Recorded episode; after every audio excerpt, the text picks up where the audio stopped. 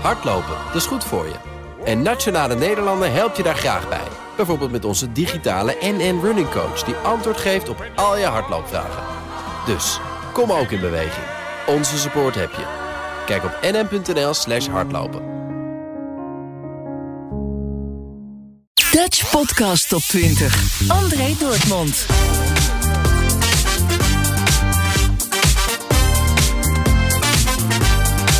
Ja hoor, daar zijn we weer. Welkom bij aflevering 47.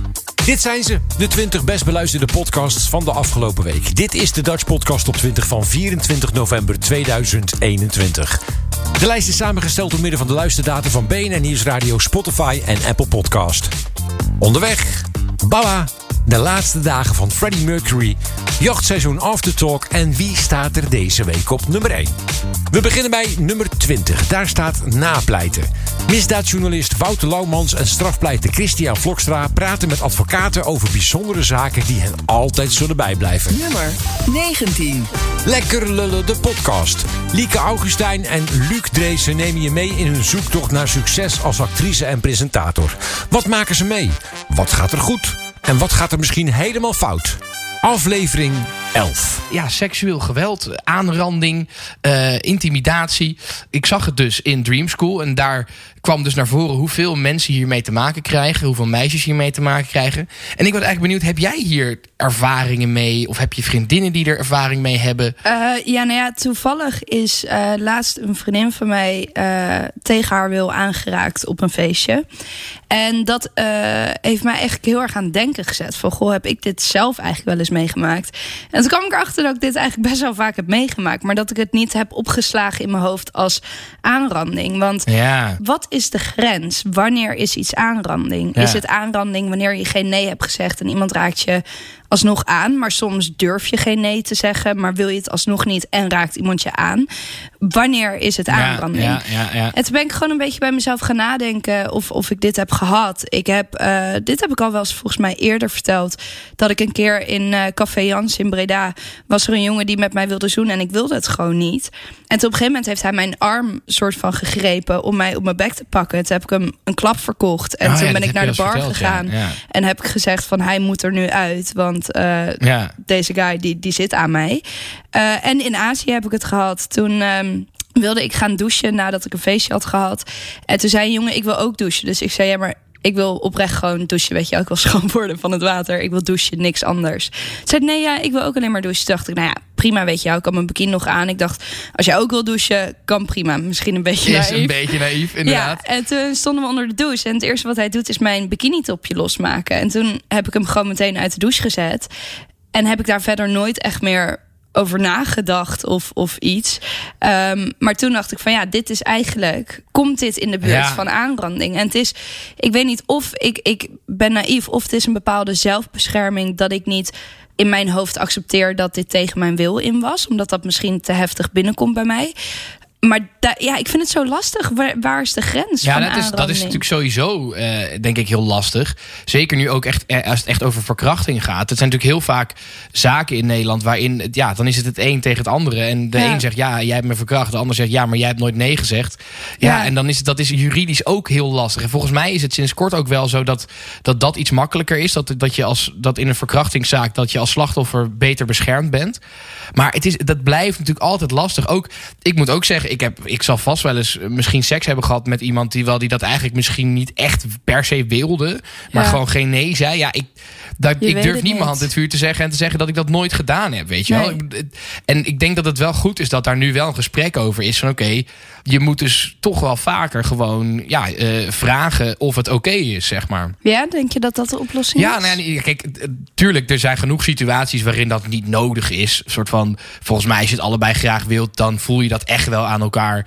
En is de vraag, wil je nu seks met mij niet per se nodig? Maar er zullen ook vast wel situaties zijn waarin je merkt dat iemand een beetje afhoudend is. En misschien geen nee zegt, maar wel een beetje bijvoorbeeld je hand wegduwt als je probeert naar beneden te gaan of zo, weet je wel. Op nummer 19 in de Dutch Podcast op 20. Lekker lullen, de podcast. Nummer 18. De stemming van Vullings en Van der Wulp. Joost Vullings en Xander van der Wulp nemen de Haagse Week met je door. Aflevering 98. Het is niet normaal. Staat genoteerd. Nummer 17. De Italië-podcast van Donatello Piras en Eveline Redmeijer.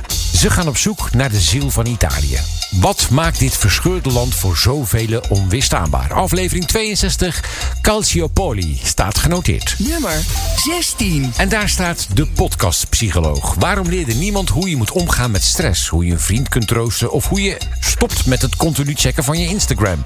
Aflevering 25, eetpatronen veranderen. Te gast, diëtist en schrijver van het boek Verlost van Verleiding, Arno Monskoer. Superleuk dat je er bent. Dank u. Ja, ik ben blij dat jij eh, op mijn pad kwam. Want wij wilden al een tijdje een aflevering maken over voeding. En dan niet zozeer nou ja, het oppervlakkige van voeding en uh, diëten, weet ik van allemaal wat. Maar meer de psychologie van voeding en hoe je een goede relatie met eten kan ontwikkelen. En uh, tada, daar was jij. Hier zijn we. Ja, en ook nog eens een keer Belg, wat ik super leuk ja. vind. Want wij hebben een hele hoop Belgische luisteraars ook. Dus uh, nou, ik zeg, doe meteen even de groetjes aan alle Belgische luisteraars. ook die groetjes van mijn kant, zeg. Ja, ook, ja, van ons samen. Ja. En um, ja, we gaan het vandaag hebben over het veranderen van uh, eetpatronen. En jij hebt daar een heel mooi boek over geschreven. En in jouw boek, en je vertelde me dat ook al even kort toen we elkaar spraken in een voorgesprek, beschreef jij dat er in jouw leven een bepaald kantelpunt ook is geweest. Jij was eerst met andere dingen bezig. Je vertelde al dat je Klopt. profvoetballer bent geweest. Ja. En dat je op een bepaald punt ineens voelde wie je echt was en wat je wilde doen, hè? Klopt, ja. En kan je vertellen wat dat kantelpunt voor jou was? Ja, natuurlijk. Ik, ik heb de overtuiging dat in een leven aan zich iedereen heeft een verhaal. Hè? Ik heb een verhaal, we hebben allemaal ervaringen die we meemaken, denk ik. Dus er zijn een aantal kantelpunten die mij gevormd hebben tot wie dat ik nu ben. Mm -hmm. um, ik ben opgegroeid met een, een tweelingsbroer. Ik ben geboren als één eigen tweeling.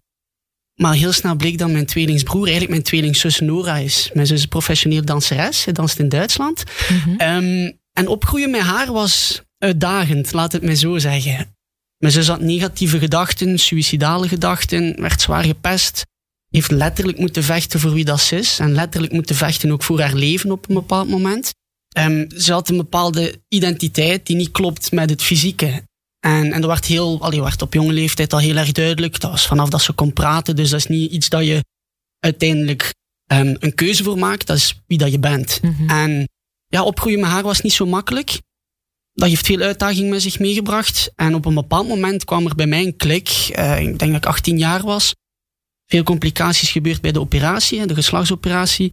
Ze komt op intensieve zorgen terecht en ik zie mijn zus liggen en ze heeft gevochten altijd en vandaag nog om te zijn wie dat ze is. En ik was altijd het verlegen, timide jongetje dat mij wat afzijdig hield omdat ik voor haar wou zorgen. Je wilde niemand tot last ja, zijn. Klopt. Ja, En op een bepaald moment dacht ik van dit is genoeg geweest. Ik mag er ook zijn. Ik had dat zo'n klein, ik vergelijk dat met een klein vlammetje. Er zat een klein vlammetje in mij dat iets wou doen in deze wereld, iets te delen had, op zoek was naar zichzelf.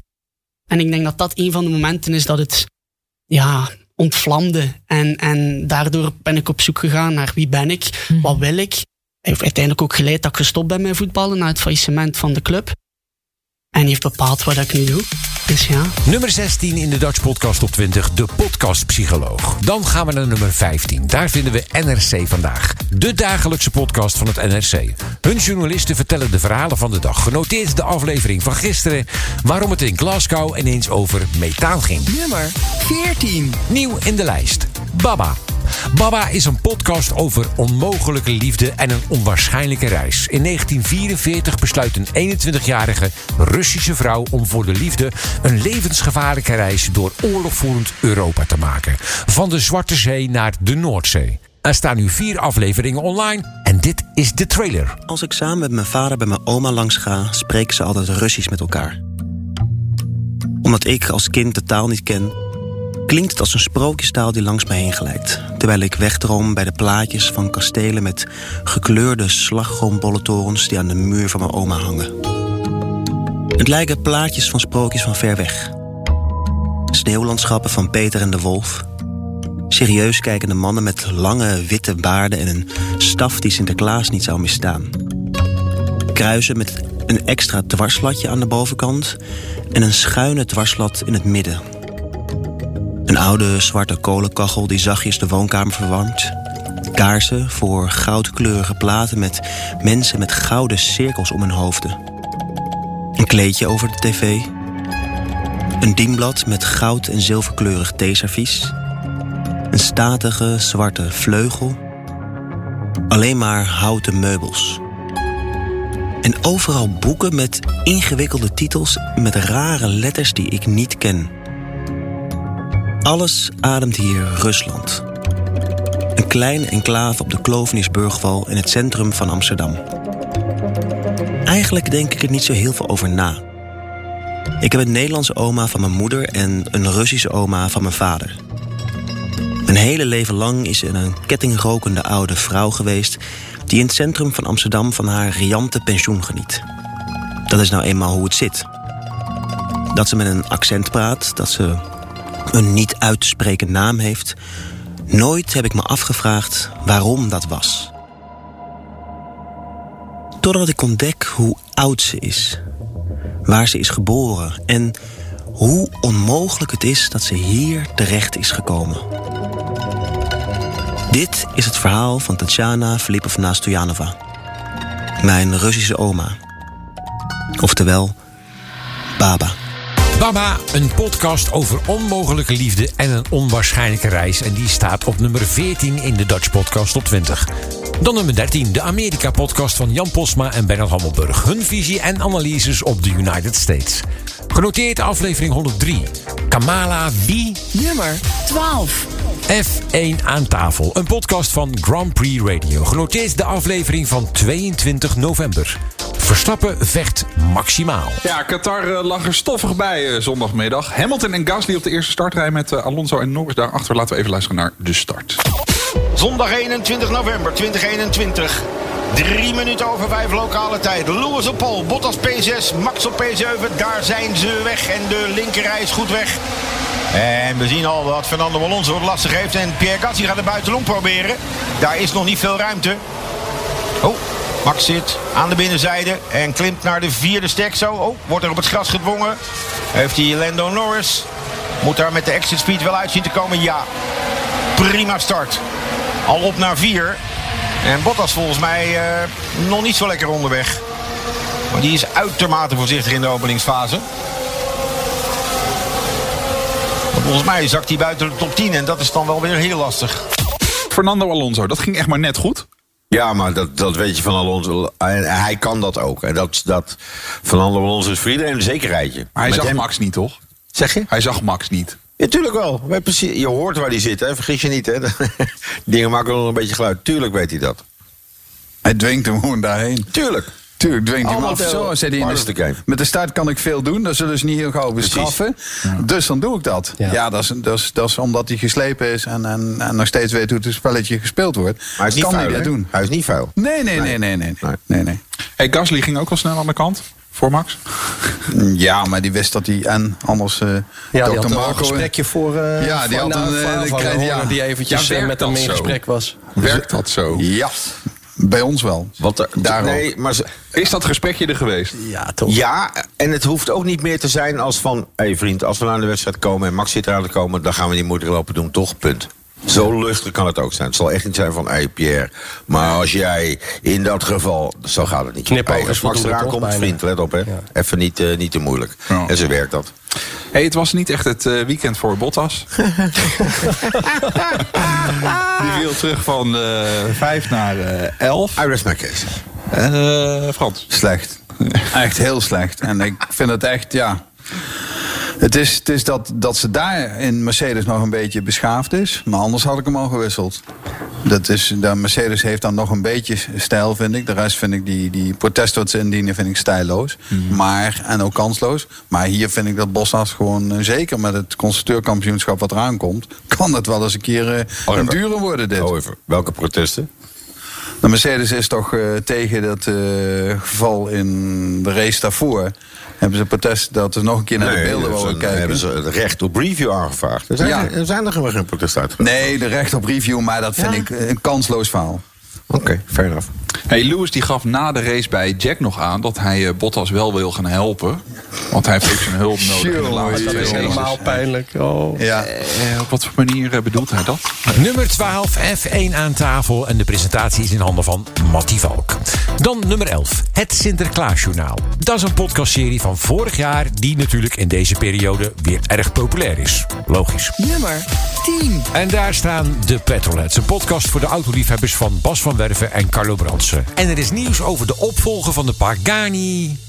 Kom Carlo, eh, hoe heet dat ding? Is uitverkocht. Oh ja, joh. Ja. Hoe heet die? Dat weet niemand. dat weet niemand. Ik, vind het denk, ik, denk dat die, ik denk die Pagani 2 gaat heten. 2? Ja, dat hoop ik. Dat, Dat hoop, hoop ik. ik ook, ja. Nee, maar dat is, het- dat, hier zit meteen het, het, het, het verhaal in. Er is dus een opvolger voor de Pagani. Ja? En eh, die is al uitverkocht. Terwijl niemand ooit nog gezien heeft gezien. hoe die eruit ziet. Ja. Er is alleen maar de belofte dat hij komt. En dat hij weer de 6 liter 12 cilinder biturbo motor van Mercedes heeft. En dat hij zo'n 900 pk zal gaan leveren. Maar eh, hij is, eh, het is al weg. Het is al klaar. Het is al over. Hij is al uitverkocht. Niemand heeft hem ooit gezien. Dus de opvolger van de huidige. Die uit. Ja. Dat hoor je ook als je overigens uit voor, van een paar miljoen. Wat? Paar miljoen. Dat hoor je als je wegrijdt ook. Weer een ton weg. Zegt hij zijn eigen Hoppa. achternaam, ja. Ja, maar goed, het gaat, gaat over auto's van een paar miljoen stuk. Ja.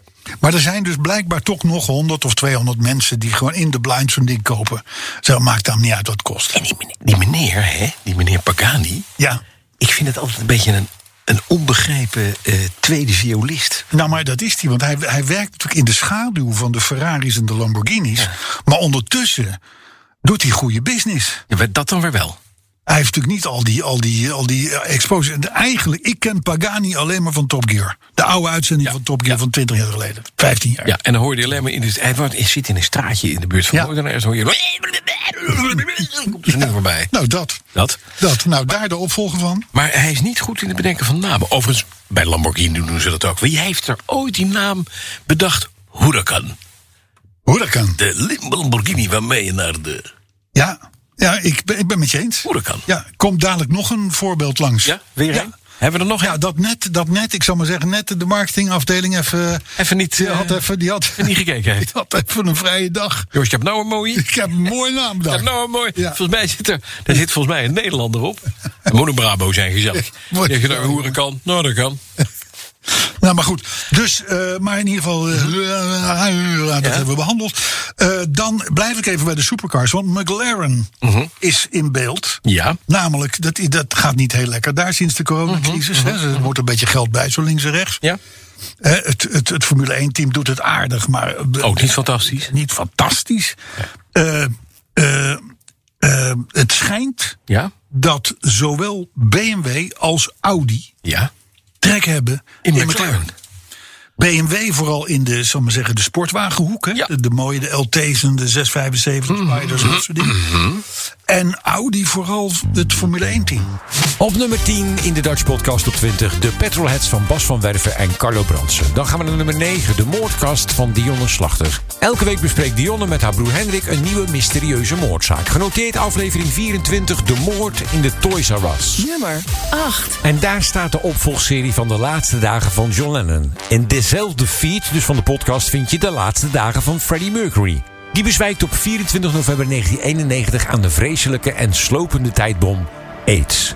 De laatste dagen van Freddie Mercury. Gemaakt door Wiebo Dijksma, Anne Hurekamp en Michiel Tjepkema. Het is zondag 24 november 1991. Een zonnige dag in Londen. Desondanks tikt de thermometer maar 5 graden aan, waardoor het toch vrij fris aanvoelt. Aan Logan Place in de wijk Kensington, ten westen van het centrum vlakbij Hyde Park, houdt een groep journalisten en fotografen zich al minstens 10 dagen op. De leden van de pers staan opgesteld langs de bijna 2,5 meter hoge stenen muur van een statig herenhuis dat de naam Garden Lodge draagt. De woning werd in 1908 gebouwd in de toen populaire neo-Georgiaanse stijl voor de schilder Cecil Ray. Sinds 1985 is Garden Lodge het hoofdverblijf van de 45-jarige Freddie Mercury, de flamboyante frontman van de popgroep Queen. Each morning I get out my diary. Can't barely stand on my feet. Take a look in the mirror and cry. Lord, what you doing to me? Al jarenlang gaan er hardnekkige geruchten dat Freddie ziek is. Erg ziek. Hij vertoont zich opvallend minder in het openbaar dan voorheen. En de keren dat hij zijn gezicht laat zien, valt op dat hij sterk vermagerd is. De pers ruikt onraad en een dag eerder, op zaterdag 23 november 1991, worden de speculaties over de aard van zijn ziekte bevestigd. Via een persbericht laat Freddie Mercury de hele wereld weten dat hij aids heeft. De vreselijke tijdbom die met name veel homoseksuele mannen fataal is geworden. Nu staat Freddie hetzelfde lot te wachten. I don't have any aspirations to live to 70. Really. And I don't, don't sound sort of um, morbid, but I mean, I have lived a full life. And if I'm dead tomorrow, I'm gonna be damned. You know, I really have done it all. AIDS heeft het lichaam van Freddie Mercury de afgelopen jaren kapot gemaakt. Hij is vrijwel blind en kan niet meer zelfstandig lopen. Gekluisterd aan zijn bed op de eerste verdieping van Garden Lodge wacht hij op zijn onvermijdelijke einde. Een dag na het persbericht, in de vroege avond van die bewuste 24 november 1991, staan levenspartner Jim Hutton en persoonlijke assistent Peter Freestone naast Freddie's bed. Jim heeft Pieter naar boven geroepen omdat het bed moet worden verschoond. Terwijl Pieter de lakens vervangt, trekt Jim Freddy schone kleren aan. Freddy probeert te helpen en doet zwakjes zijn linkerbeen omhoog. Het is zijn allerlaatste teken van leven. Jim kijkt naar Freddy en ziet dat hij niet meer ademt. Pieter, roept hij met tranen in zijn ogen. Het spijt me zo. Hij is er niet meer. Het is twaalf minuten voor zeven s'avonds in Londen en Freddie Mercury is dood. The popstar Freddie Mercury died last night in London. AIDS heeft weer een magistrale stem en een indrukwekkende persoonlijkheid geveld. Freddie Mercury. Hij richtte in 1970 samen met drie anderen de groep Queen op. His death came just one day after he issued a statement to the press confirming that he had AIDS, ending many months of rumor and denial. In contrast with his flamboyant stage presence, he'd shunned publicity in his private life and had become a virtual recluse in recent years. Op nummer 8, de laatste dagen van Freddie Mercury. Een podcast gemaakt door Wiebe Dijksma, Anne Huurdekamp en Michiel Tjepkema. Nummer 7. Mark-Marie en Aaf vinden iets. Mark-Marie Huibrechts en Aaf Brandkostjes nemen werkelijk niets voor lief. Ze verwonderen zich als theatermaker en schrijvers over alledaagse zaken... waarvan de gewone man zich zelden afvraagt of hij er überhaupt een mening over heeft. Genoteerd de aflevering van 20 november Dansen. Nummer 6. Een nieuwe binnenkomer. Jachtseizoen Aftertalk. In deze podcast praten Giel de Winter, Thomas van der Vlucht en Stefan Juriëns na met de boef uit het jachtseizoen. Hoe heeft de boef zich voorbereid? Liep de ontsnapping volgens plan?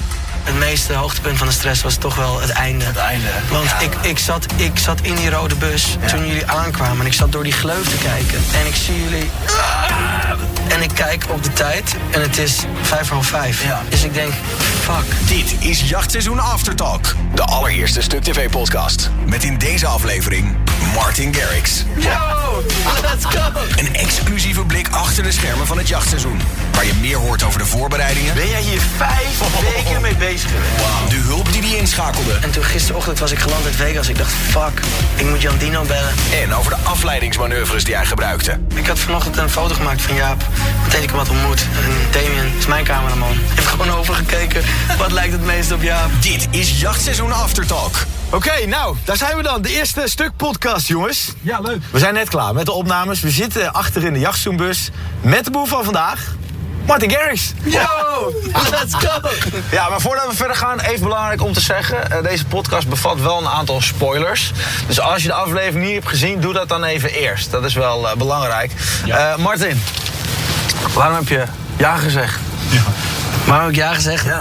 Ik vind jacht zo fucking hard. Ik vind jullie fucking hard. En ik vind het een eer om hier onderdeel van te mogen zijn. Super vet. En Martijn, je hoort natuurlijk dan op een gegeven moment, hè, je krijgt de uitnodiging. Hoe is die uitnodiging gegaan? Ja, ik kreeg een DM van To. mooi toch? Heb je tijd? heb je tijd? Maar je had tijd. Ik had zeker tijd. En ik heb ook heel veel tijd gemaakt voor dit. Met de preparatie, met... eh, ja, maar, vertel, hoe heb jij je voorbereid hierop? Ik ben begonnen met het kijken van afleveringen. Van waar gaat het goed, waar gaat het mis? Wat werkt wel? Wat zijn dingen die jullie doen? Zodra, zodra je iets oranjes ziet. eh, Je hebt er een hele studie van gemaakt. Ja. Heb je letterlijk aantekeningen zitten Ja, maken? ja. Wacht, gewoon wacht. Ik wil jullie één eens laten zien. Eh, wacht, en dan, kunnen we, dan gaan we verder. Ondertussen gaat hij heel even weg. Wat ga je nou weer pakken? Ja, hij gaat weg. Hij gaat gewoon de bus uit. Het maakt niet uit, deze gast zit inderdaad vol verhaal. En ook nog vol met adrenaline, Maar besef even dat deze gast eh, eergisteren nog in Las Vegas was. Niet kon slapen omdat hij eh, dit hier aan mee ging doen. Ondertussen aantekeningen heeft lopen maken. Bizar, hè? Ik vind het echt bizar. Het is ook wel fantastisch dat hij toch natuurlijk hier aan mee wilde doen. Oké. wacht Ik ga jullie het, eh, het hele script airdroppen, want ik had een heel, eh, heel verslag gemaakt. Dit meen je niet. Maar hoe lang ben jij hiermee bezig geweest, Martijn? Ik denk over vijf weken. Ben jij hier vijf weken mee bezig geweest? Wauw. Dit was het hele plan. No way. met met uh, Menno Floor Zeelander deed aankomst bij Kanaaldijk Oost.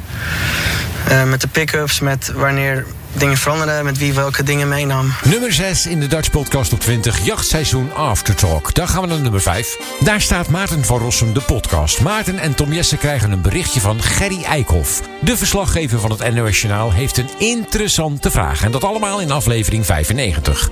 Nummer 4. Broers van Sam en Rijk. Twee broers die alles met elkaar bespreken. Seks, alcohol en stappen. Het is stuivertje wisselen in de top 3. Vorige week nog op nummer 2 en deze week dus op nummer 3. Een soort god. Wat als diegene die jij het meest vertrouwt al jouw gedrag wil controleren? In een soort god onderzoeken journalisten Simone Eleveld en Anneke Stoffelen hoe het kan dat slimme mensen in een secte belanden. Aflevering 4 staat genoteerd afkikken. Vorige week nog op nummer 3 en deze week op nummer 2. Alle geschiedenis ooit. Nienke de Jong, Arco Knochie en Thomas Aalmoes vertellen de beste verhalen uit de wereldgeschiedenis. Genoteerd de aflevering van 22 november. De moord op JFK. Podcast top 20. Nummer 1. Voor de derde keer op de hoogste positie. Het geheim van Rijswijk. Op 7 maart 1985 is er een bandje tot laat op de avond aan het repeteren in een kantoorpand in Rijswijk. Als er twee zwaar bewapende mannen binnenkomen. Drie van de bandleden worden doodgeschoten. Aflevering 3. Anne Korterink gaat op bezoek bij Leo Simaïs. De leider van het Cold Case team in Den Haag. Een cold case is een ernstig of een zeer ernstig misdrijf... waar een gevangenisstraf op staat van, van 12 jaar of meer. En die zaak moet uitgeregisseerd zijn... en moet zeg maar drie jaar oud zijn. Dat is eigenlijk wat is een cold case. Dit is Leo Simaïs, leider van het Cold Case Team in Den Haag. Ik spreek hem omdat ik een vrij uitgebreid politierapport voor me heb liggen dat ik vond in het archief van mijn vader. Het rapport beschrijft het politieonderzoek naar de aanslag in Rijswijk tot in detail. Maar een vervolging kwam er nooit uit voort. Van Simaïs wil ik weten: kan deze zaak nog opgepakt worden? Is het een cold case? Eigenlijk is het volgens de definitie wel een cold case. Het is een niet opgelost ernstig misdrijf, zeer ernstig misdrijf. Alleen als je naar de verjaringstermijnen gaat kijken, dan is de zaak verjaard. Zeg maar vanaf 1 januari 1988, feiten die daarvoor zijn gepleegd. En dat is dus deze zaak ook, die in 1985 is gepleegd. Die zou dus in principe verjaard zijn. Dus dat wil zeggen dat degenen die verantwoordelijk zijn voor dit feit niet meer vervolgd kunnen worden. Oké, dus omdat deze moorden voor 1988 zijn gepleegd, zijn ze verjaard. En eigenlijk zegt Simaïs nu: wij kunnen hier niks mee. Maar dan wil hij nog iets zeggen. Maar dat, eh, het feit dat we niet kunnen vervolgen, wil niet zeggen dat we het misschien ook niet doen. Kijk, er zijn ook zaken waarbij wij nu achterkomen dat zeg maar, iemand eh, die eh, in 1989 14 jaar was, heeft een moord gepleegd, die kan ook niet meer vervolgd worden. Gaan we dan geen onderzoek doen? Nee, we proberen ten, behoeve van de nabestaanden wel eh, te kijken of we helderheid kunnen brengen in zo'n zaak.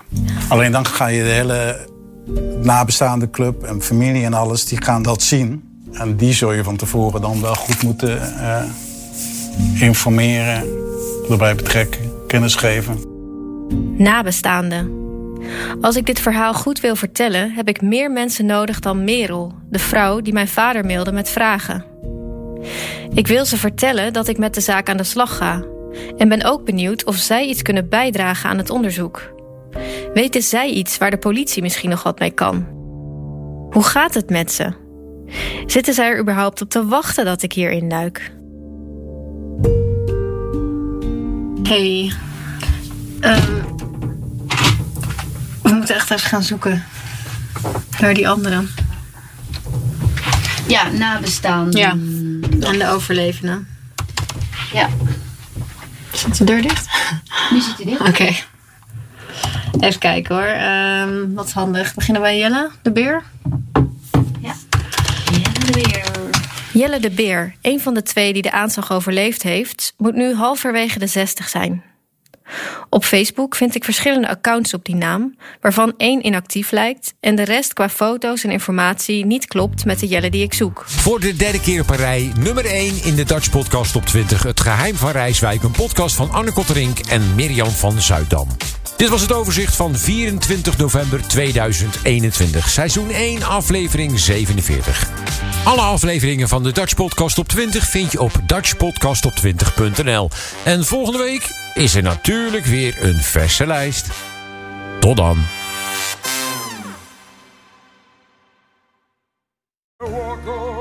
Hardlopen, dat is goed voor je. En Nationale Nederlanden helpt je daar graag bij. Bijvoorbeeld met onze digitale NN Running Coach... die antwoord geeft op al je hardloopvragen. Dus, kom ook in beweging. Onze support heb je. Kijk op nn.nl slash hardlopen.